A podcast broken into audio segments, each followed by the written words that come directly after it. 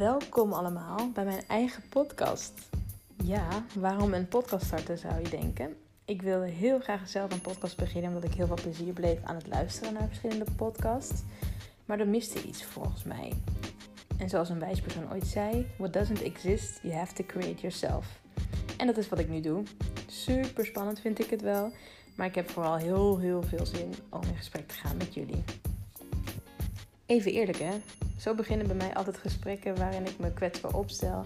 En ehm, ja, waarin ik iets ga bespreken wat niet veel besproken is. Zoals bijvoorbeeld, even eerlijk hè, ik vind het vermoeiend om uit te leggen wat mijn afkomst is. Heb jij dat ook?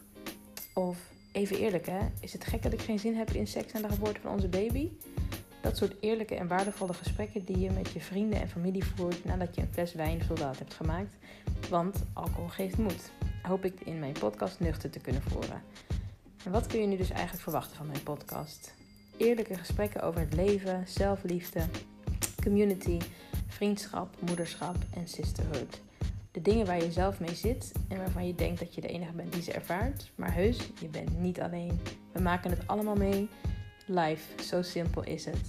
En ik wil dat soort dingen graag bespreekbaar maken, zodat iedereen zich gehoord voelt en we samen kunnen helen.